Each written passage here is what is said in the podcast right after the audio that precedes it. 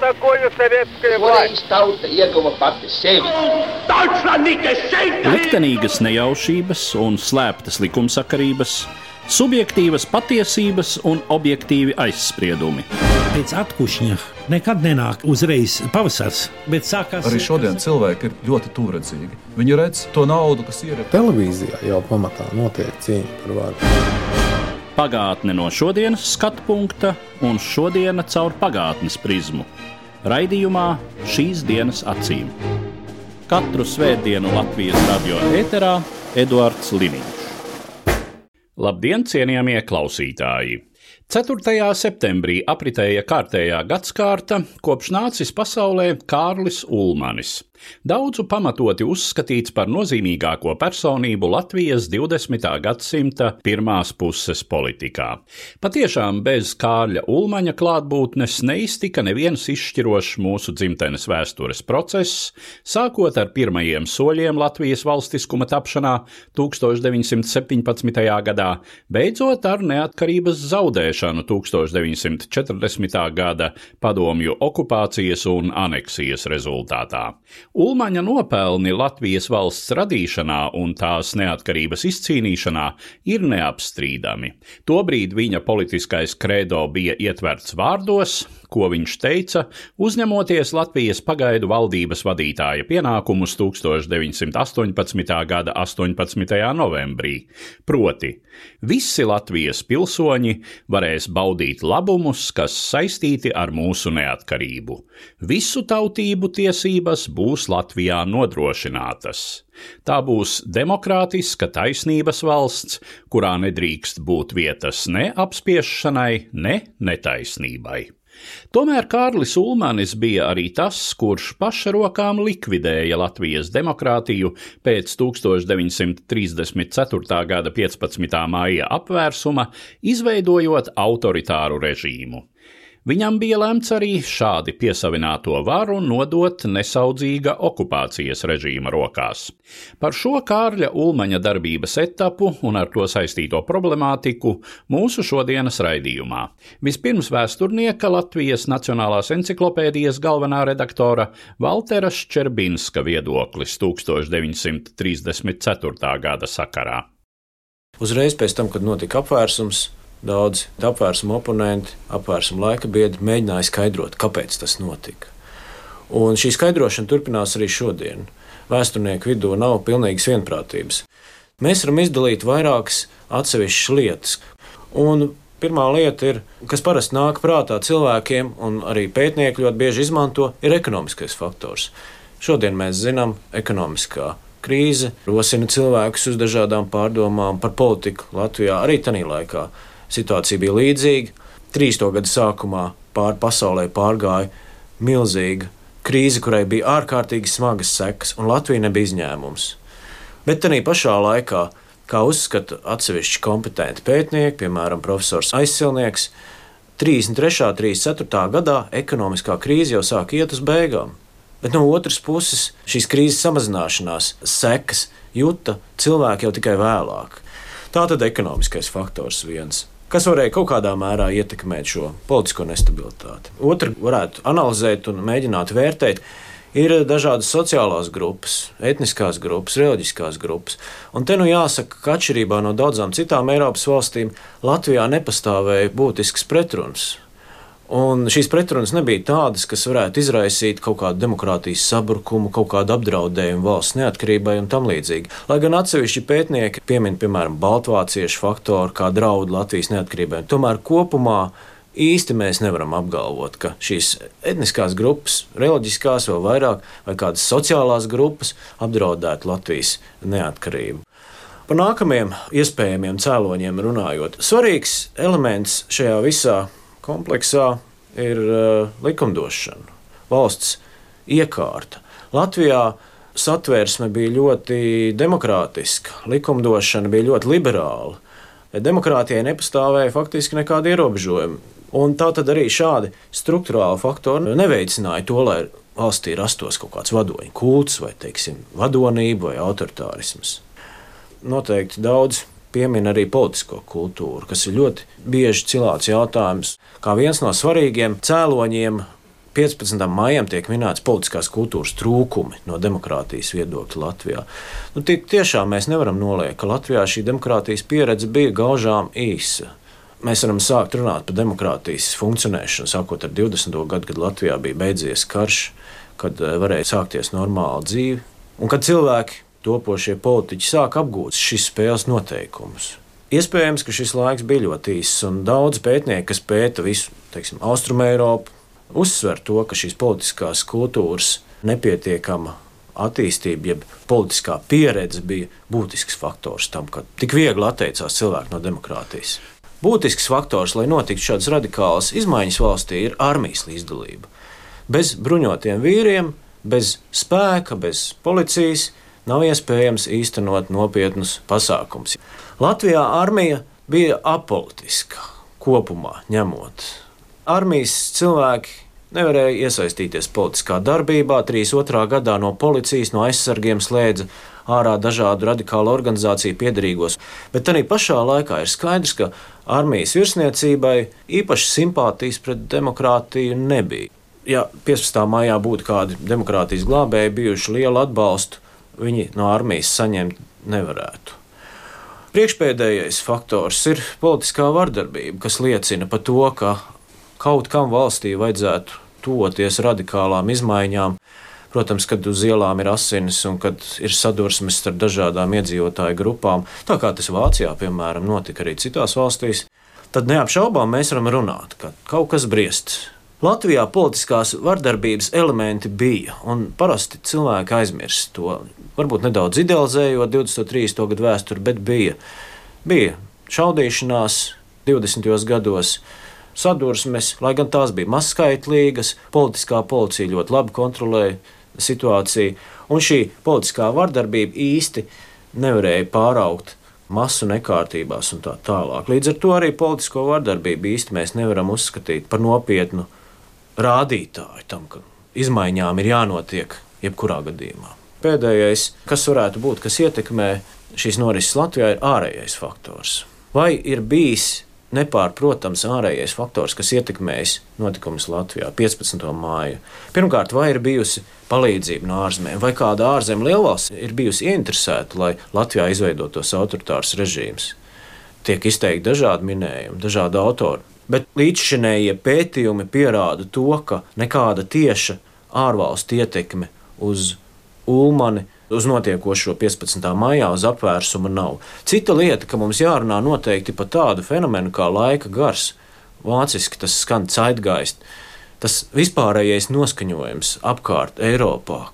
Šodien mēs dzīvojam sabiedrībā, kurā tiek uzskatīts viennozīmīgi, ka demokrātija ir vienīgā spēle pilsētā, kad liberāla demokrātija vai vispār demokrātija tas ir tas, kas ir pieņemams mums Latvijā vai Eiropā.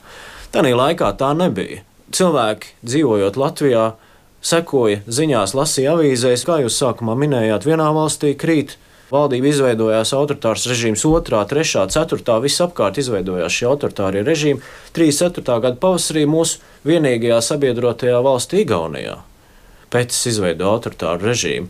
Cilvēkiem pat nenoliedzot demokrātijas vērtības kā tādas, rodās šaubas, vai šajā brīdī šī demokrātija ir tas īstais veids, kas mums ir nepieciešams, pastāvot ļoti daudziem dažādiem ekonomiskās krīzes un arī šīs politiskās krīzes izraisītiem trūkumiem. Tas galvenais cēlonis, kādēļ Latvijā izveidojas šis 15. maija, vai tie bija šie manis nosauktie faktori, vai tas bija viens cilvēks, vai tas bija Kārlis Ulmans, kurš ir vainojams, kādēļ notika šis apvērsums. Respektīvi, ja nebūtu Kārlis Ulmans, tad Vai Jā, šie kāds... faktori ir pietiekami nobrieduši, tad būtu kāds cits. Jebkurā Jā. gadījumā apvērsums būtu, autoritārisms būtu, jebkurā gadījumā tas bija neizbēgams. Vai arī, ja mēs nepiekrītam tam, tad mēs uzskatām, ka šie faktori nebija pietiekami izteikti. Ja nebūtu Ulmans, demokrātija būtu pastāvējusi. Somijā bija ļoti līdzīgi apstākļi kā Latvijā. Tāpat ekonomiskā krīze, jo ražošanas virzieni ļoti līdzīgi, sociālās problēmas, arī politiskā kultūra. Somija nebija nekur tālāk aizgājuši kā Latvija konkrētas personības izšķīra šo vēstures gaitu. Tā ir arī mana tēze, runājot par 15. māju, par 15. māja cēloņiem, ka tieši Kārlis Ulmans, cilvēks, kurš bija varbūt viens no pieredzējušākiem Latvijas politiķiem, stāvējis pie Latvijas šūpuļu nepārprotami, kurš bija uzņēmies ministra prezidenta pienākumus Latvijas pagaidu valdībā, kas nebija viegls uzdevums. Viņš spēja uzņemties atbildību. Bet no otras puses, vai viņš bija tālredzīgs, tas ir cits jautājums. Manuprāt, tieši šī viena cilvēka faktors izšķīra to, ka Latvija zaudēja demokrātiju. Jo, ja mēs aplūkojam tālāk, kādi vēl varētu būt alternatīvie nemieru cēlāji valstī, tad šīs grupas neapšaubām ir zināmas. Tie ir Valdemāra Ozola leģionāri, vēl dažas mazākas grupas, tiek minēti arī pērkoņkristieši un komunisti. Komunisti nebija spējīgi sarīkot apvērsumu, pērkoņu krustieši gatavojās nākamajām vēlēšanām. Leģionāri, liela daļa no viņiem jau bija apcietināti pirms 15. māja. Savukārt politiskā pārvalde ļoti efektīvi strādāja un ļoti labi kontrolēja, ko dara dažādas politiskas grupas, kurām ir nemieris galvā. Un tas, ka pēc apvērsuma Ulmans paziņoja, ka kādas citas grupas apdraudējušas Latvijas neatkarību un tam līdzīgi, tās, protams, bija pasakas lai attaisnotu šo savu nekonstitucionālo soli. Ulmans un demokrātija ir ļoti interesants un liels jautājumu lokus. Jo no vienas puses Ulmans aktīvi piedalījās valsts izveidošanā. Viņš bija politiķis no pirmās valsts dienas līdz pat 15. mājām. Tātad viņš aktīvi izmantoja šīs demokrātijas priekšrocības. Tanī pašā laikā ir skaidrs, ka Ulmaņa attieksme pret demokrātiju nebija viennozīmīgi vērtējama. To jau norāda lielākais eh, Ulmaņa pētnieks, vēsturnieks Donsdorfs savulaik, kurš norāda uz to, ka viņš savos darbos ir piemēram ļoti bieži 30. gada sākumā. Eh, viņš ir aizrāvies ar piemēram Oliveru Kromvelu, angļu politiķi, kura paraugam viņš ir sekojis, viņš ir lasījis darbus par Oliveru Kromvelu un izdarījis dažādas pasvītrojumus. Arī savā runās viņš bieži vien atsaucās uz politiķa piemēru, uz Oliveru Kromvelu. Taču tajā pašā laikā viņš nepiemina to, ka Kromvels bija īsts diktators, ļoti radikāls diktators. Jā. Es domāju, ka savā ziņā līdzīgā situācijā atradās arī lietuvieši ar Smetonu, ar Igauni, ar Pēcu. Lai gan par Pēcu, protams, ir atšķirīgas nianses kā Igauni kolēģi, Igauni vēsturnieki ir atklājuši un izraisījuši lielas diskusijas Igaunijā par pēc saistību ar Padomu Savienību, ar Padomu Savienības izlūkdienestiem, bet Ulmanim attieksme pret demokrātiju nebija viennozīmīga, maigi izsakoties. Demokrātija varbūt nebija vienīgais līdzeklis Ulmaņa vīzijas sasniegšanai. Un kāda bija Ulmaņa vīzija? Acīm redzot, tā bija pārtikus zemnieciska latviska valsts. Daudzi laika biedri, cilvēki, kas pazina Ulmanu, runā arī par godkārības faktoru. Un to mēs varam redzēt arī vēlāk. Šie goda vārdi, kas seko 15. maijam, nu, cilvēks, kurš būtu pieticīgāks, kuram varbūt tas nebūtu tik svarīgs, viņš varētu neatļaut tādus rīkot vispār atzīmēt šo datumu Tieši kā izcilu notikumu, bet te nu ir sveiks tautas vadonis, sveiks saulainais maisa. Jā. Jā, nu mēģinot drusku ielīst ulmaņā ādā. Viss, ko nākas lasīt, nu liecina par um, cilvēku ar ļoti īpašām attiecībām ar varu. Ko uzreiz var teikt? Ulmanis nekādā ziņā nebija tendēts uz kaut kādu personisku labumu gūšanu. Cik var noprast, tad savu mūžu pavadīja diezgan savam statusam pieticīgā tādā dzīves uh, stilā. Un Tāpat laikā cilvēks bez ģimenes, tāds vientuļnieks. Katrā ziņā skaidrs ir viens, ka Ulmanim nebija īsti cita dzīves satura kā politiskā darbība un politiskā cīņa, un nebija cita sevis piepildījuma un apliecinājuma. Tas viņam bija vienīgais. To ļoti uzskatām parādīja pēdējās demokrātiskās saimnes vēlēšanas pirms apvērsuma, kad Ulmaņa vēlēšana rezultāti bija gaužām pieticīgi. Ne tikai kopējā zemnieku savienības popularitātes krišanās, jo radās arī konkurenti, kas pretendēja uz to pašu elektorātu, bet arī cīņa iekšienē Zemnieku savienībā. Zemnieku savienībā bija nopietnas konkurence Ulmanim Hugo Celmiņš, politiķis, kuru atbalstīja akadēmiskā sekcija Zemnieku savienības, ļoti ietekmīga. Ietekmīgs bija šis korporācija, studentu atbalsts, jo pats Hugo Celmiņš piederēja korporācijai. Situācija izveidojās ļoti asa starp šiem diviem redzamajiem Zemnieku savienības līderiem, studentu korporācijām piedarīgie Komiltoņi vēlēšana laikā pat aicināja svītrot Ulmanu ārā, lai tādējādi izceltu Hugo Celmiņu. Un skaidrs, ka Ulmanis kā ļoti pragmatisks, gudrs politiķis saprata, ka arī no, no šīs puses draud iespējams briesmas viņa politiķa karjerai, šai viņa vienīgajai dzīvei Iespējams, ka tas bija papildus faktors, kas veicināja viņa domāšanu radikālas rīcības virzienā. Turpinājumā notikumus 1940. gada jūnijā raksturo vēsturniece Latvijas Universitātes Latvijas Vēstures institūta vadošā pētniece Daina Blējere un vēsturnieks Kārlis Kangeris. Bet arī mums jāapskatās uz bāžu līgumu. Analizējot Latvijas ārpolitiku, bija viena tāda nostāja, vissliktākais gadījums Latvijas ārpolitikā ir, ja Padomu Savienība un Vācija vienojas. Tad vēl 38. gadā Latvija atteicās no Tautas Savienības desmitā paragrāfa, no Tautas Savienības garantijām, un tad nāca 39. gada septembris, oktobris, kad Latvija bija domājusi vismaz uz papīra pretoties visām intervencijām, gan no rietumiem, gan austrumiem, tad uzzinot Latvijas armijas nesagatavotības stāvokli, tad Ulmans 28. septembrī pieņem to lēmumu ka nepretosies. Un Ulmanim bija ļoti svarīgi, ka līgumā ierakst to, ka Padomu Savienība neiejauksies Latvijas iekšējās lietās. Kad ministra kabinetā apsprieda šo jautājumu, kamēr Munters Maskavā tirgojās par eh, līgumu tekstu, Tad vienīgais, kas protestēja, ir iekšlietu ministra veidnieks. Viņš teica, ka par visu cenu vajadzīgs pretoties. Bet tad viņi garās pārunās pārliecināja, ka iespēju nav un uh, būtībā šis lēmums ir jāpieņem. Tad beigās kabinets vienojās, ka to darīs vienbalsīgi.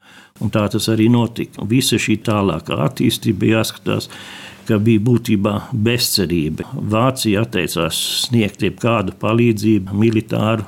Latvijas armijā varēja mobilizēt apmēram 250 tūkstošu vīru bet nebija apbruņojuma, nebija munīcijas. Principā armija eh, nebija sagatavota kara stāvoklim. Varbūt ideoloģiski viņi bija apmācīti, bet nebija tieši tās gatavības, lai varētu pretoties.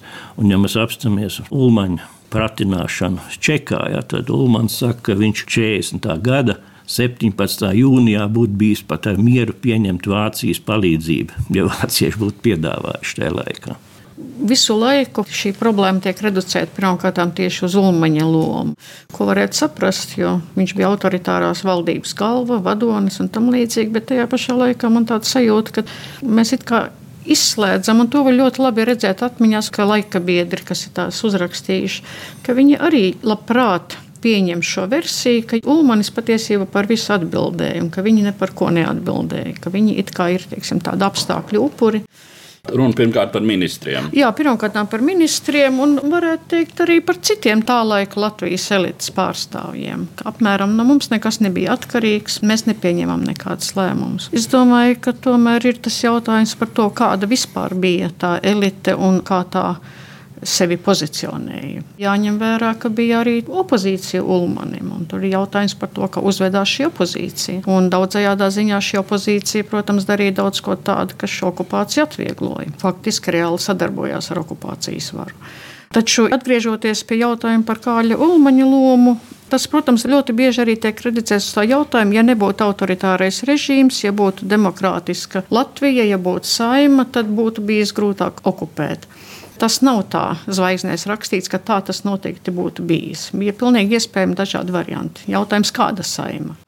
Ja tur būtu liela kreiso sociāldemokrātu ietekme, tad Pilnīgi iespējams, ka tikpat labi būtu pieņemts gan bāzu līgums, gan arī vēlāk 16. jūnija ultimāts. Cita lieta ir, protams, ka demokrātijas apstākļos varbūt presse būtu mazāk kontrolēta, vairāk informācijas nonākt sabiedriskajā apritē, būtu varbūt dažādāk viedokļi par to, ko darīt un kā darīt. Un varbūt viss šis process būtu bijis priekšpadomju savienības daudz grūtāks, prasīt vairāk laika, lielākas pūles. Un varbūt tas arī būtu labvēlīgāks no tāda viedokļa, ka pilnīgi inkorporācija varbūt arī netiktu izvēlēta kā galīgais variants. Otra lieta, protams, demokrātijas apstākļos varbūt būtu bijis arī tas, ka pirmo dienu jūsmu un cerības par to, ka tiek gāzts sulmaņa režīms un ka atjaunos demokrātiju un satversmi, ka, protams, tādā gadījumā šādai jūsmai nebūtu bijis vietas. Jāatzīst, ka Ulmanim šī atbildība bija, protams. Viņš bija tas, kas galu galā, kā valsts galva, kā vadonis, kuram bija jāpasaka galavārds. Protams, viņš atradās absolūti iedzīts stūrī, faktiski bija. Taču jautājums, protams, ir par to, vai bija iespējams tomēr ar cieņu aiziet, ar cieņu zaudēt neatkarību. Jā. Vai arī pakļauties visām prasībām. Te varbūt ir jādala tomēr divas ulmaņa atbildības, divi atbildības līmeņi. Viena ir atbildība konkrētajā momentā, un tas pamatā saistās ar taktisko rīcību tajā brīdī, kad ir visi šie mums zināmie apstākļi. Tātad 40. gada jūnija situācija. Otra ir atbildība vispār par Latvijas demokrātijas iznīcināšanu 34. gadā, par autoritāru režīmu uzbūvēšanu šeit, Latvijā. To, cik tas pats par sevi veicināja aneksiju un padomju sistēmas izveidošanos šeit. Par 40. gadu tur tiešām laikam ir diezgan skaidrs. Pretoties militāriem līdzekļiem nevarēja, tas lēmums bija pareizs bet var runāt par niansēm. Startautiskais protests droši vien būtu bijis jāizsaka. Ja man jautā, tad es Ulmaņa vietā par katru cenu censtos pamest valsti un mēģināt darboties kaut kur ārzemēs. Bet ir jā, jāskatās uz to režīmu, teiksim, Ulmanim jau daudz ko pārmet. Viņš parakstīja kaut kādus 50 dokumentus, bet, eh, ja mēs paskatāmies tikšanās ar Višīnsku vēlāk, un, un tad viņš vēl tikās vairākas kārt ar Munteri, ka kabinets bija atkāpies.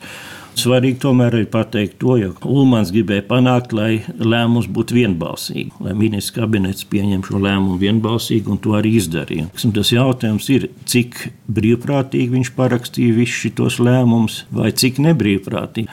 Kāds tas režīms bija, cik viņi spieda, cik nē, ja, to mēs nevaram izšķirt un starptautisko tiesību normās jau manim daudz nevarēs pārmest. Ar, ja mēs skatāmies Čehoslovāķijas jautājumu, kur arī parakstīja inkorporāciju Nürnbergas tribunālā, to atzina par nelikumīgu. Tas bija noticis spaidu rezultātā un tam līdzīgi.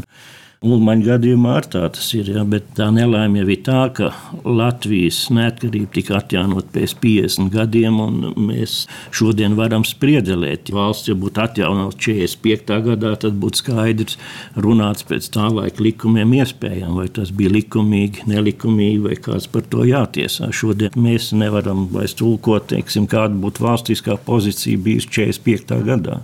Tajā pat laikā es domāju, ultimāta pieņemšanas gadījumā, ja būtu vismaz teiksim, formāli pateikts, ka tas ir spaidu rezultātā, ka tas ir spiediena rezultātā, ka mēs to nedarām brīvprātīgi, es domāju, ka tas katrā ziņā būtu atvieglojis gan Latvijas starptautisko pozīciju, gan pēc tam šo aneksijas neatzīšanas problēmu. Un kaut kādā ziņā arī sabiedrība būtu tomēr devis zinām atbalstu. Jo ultimāta pieņemšana bez šaubām tā ļoti stipri dezorientēja sabiedrību. Cilvēki vienkārši nezināja, ko darīt īsti, kā uzvesties. Valsts ierēģi, armija. Vienkārši, vienkārši Bet cilvēkiem. Latvija vēlējās, lai to tulko tā, ka viņi pilda pilnā mērā 5. oktobra bāžu līgumu. Tā tas bija ar notāko. Nu jā, Munters gan, nosūtīja uz Maskavu. Jā, lai gan Ulmaņa un Muntera līmenī jau bija zināms, ka bija tādi mājieni, piemēram, Vācijas vēstnieks Koce ir teicis, ka Latvija tiks inkorporēta Padomju Savienībā nevēlāk par 40. gada septembri. Bija arī citi avoti, kas teica, ka tāds scenārijs ir iespējams. Valsts vīriem bija jārēķinās arī sliktāko iespējamību. Nevis jācer, ka pats sliktākais nenotika. Turpinājumā vēl fragments no sarunas ar vēsturnieku Walteru Ščerbinski. Bet, ja mēs teiksim, nonākam līdz 40. gadam, tad 40. Eh, gads ir ļoti labs rādītājs tam svarīgiem jautājumam, respektīvi, vai bija to vērts Ulmanim rīkot apvērsumu, vai tas deva vairāk plusus nekā mīnus valstī. Un šeit nu mēs redzam, ka Latvijas okupācija notika pilnīgi tā, kā okupanti to vēlējās. Ārkārtīgi pazemojoši, nožēlojami. Ulmanim skaļi melojot Tieši par to, tā, kas notiek. Mēs varam paspekulēt nedaudz un iedomātos, ja mums būtu parlaments un nebūtu viens vadītājs. Visticamākais, ka tā partija, kuru izlēmtu piekāpties un atdot savu valsti agresoram, būtu bankrotējusi partija no šīm simts galvām, vairums visticamāk neatļautos padoties tik vienkārši vismaz tādā veidā, kā to izdarīja Ulmans Un rezultātā mums būtu daudz labākas izējas pozīcijas, kaut vai šodien diskutējot par to, vai bija vai nebija okupācija un tam līdzīgs jautājums. 40. gads, manuprāt, patiešām visbūtiskāk atklāja to, ko Latvijai nozīmēja demokrātijas zaudēšana 34. gadā, un arī, vismaz manā uzskatā, parāda Ulmaņa lielāko vainu pret Latvijas valsti. Diez vai, protams, demokrātija būtu glābusi Latviju no okupācijas. Padomju Savienība atrastu iespējas, tiktu pasludināts, ka tā ir buržuju demokrātija, un mēs šeit tagad ieviešam īsteno patieso proletārisko, bet patiešām troksnis politiskā nozīmē būtu lielāks un nepārprotamāks. Un tikt galā ar simts deputātiem parlamentā, jebkurā gadījumā, būtu daudz grūtāk un sarežģītāk. Un arī ar daudzām patstāvīgi domājošām un rīcības spējīgām politiskām partijām un citām organizācijām, kas Ulmaņa režīmā viss bija tomēr pakļauts vienam centrālam diktātam, un arī nācija lielā mērā bija paradusi, ka vadonis domā tās vietā un gaidīja vadoņa norādījumu. Un vadoņa norādījums bija palieciet savā vietā, es palieku savējā, kas absolūti neatbilda patiesībai, jo Ulmans tajā brīdī vairs nelēma ne tik par Latvijas, bet arī pats par savu likteni.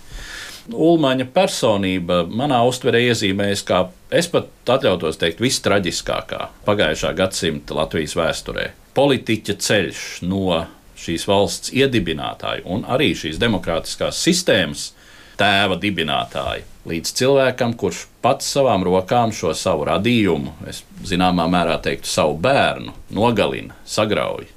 Un tad pēc tam arī pats par to samaksā ļoti smagu cenu. Un tā domājot par Ulmaņa pēdējiem gadiem tur, Krievijā ieslodzījumā, es domāju, ka pilnā mērā var teikt, ka viņš ir bijis moceklis un pat varbūt ne tik daudz tādā tīri fiziskā nozīmē. Lai gan fiziski viņam arī bija pietiekami grūti, kā jau salīdzinoši vecam un slimam cilvēkam.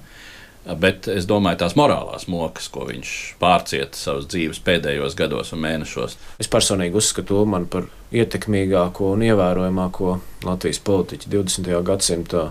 Bet no otras puses, tas, kas mūsu sabiedrību interesē, mūsu vienkāršos cilvēkus, par kuru likteņiem lemj lielie un varenie, ir tas, cik tālredzīga ir bijusi Ulmaņa vai citu politiķu īstenotā politika, kā tā ir kalpojusi valsts un tautas interesēm. Raugoties no mūsdienas perspektīvas, īsti mēs nevaram saukt šo viņa politiku, šo viņa autoritāro režīmu un 15. māju par īsti tālredzīgu. Protams, ka viņš nevarēja zināt, kas notiks, bet acīm redzot, politiķim, lai viņš tiktu uzskatīts par augstākās raudzes politiķi, jābūt tomēr kaut kādām analīzes un paredzēšanas spējām. Un jābūt arī politiskiem principiem. Un reizēm tad, kad šī tīri pragmatiskā politikas paredzēt spēja pieviļ, tad reizēm politiķi glābīja uzticība principam un šajā gadījumā uzticība demokrātijas principam. Ja Ulmans būtu līdz galam palicis tam uzticīgs, kas zina, varbūt būtu drusku labāk. Kas zina? Jautājums par Kārļa Ulmaņa rīcību un tās motīviem joprojām tiek pastāvīgi urdīts publicistikā, teātrī, sociālo tīklu viedokļos. Taču šī jautājuma jēgpilnumu nākas apšaubīt, cik tālu var puslīdz droši teikt, vadoņa izšķiršanās toreiz nebūtu radikāli mainījusi valsts un nācijas likteni. Manuprāt, arī tā laika notikumu vērtējumā būtu pareizāk pārstatīt akcentus no viena cilvēka izšķiršanās un atbildības uz visas sabiedrības, uz pilsoņu kopuma atbildību par savas valsts likteni, kas nav atceļama nekā kādos apstākļos. Ar šo secinājumu tad arī noslēdzu mūsu šodienas raidījumu. Tajā dzirdējāt vēsturniekus Dainu Blējeri, Kārli Kangeri un Valteru Ščerbinski. Uz redzēšanos cienījamie klausītāji! Katru svētdienu Latvijas radio viens par pagātni sarunājas Eduards Liniņš.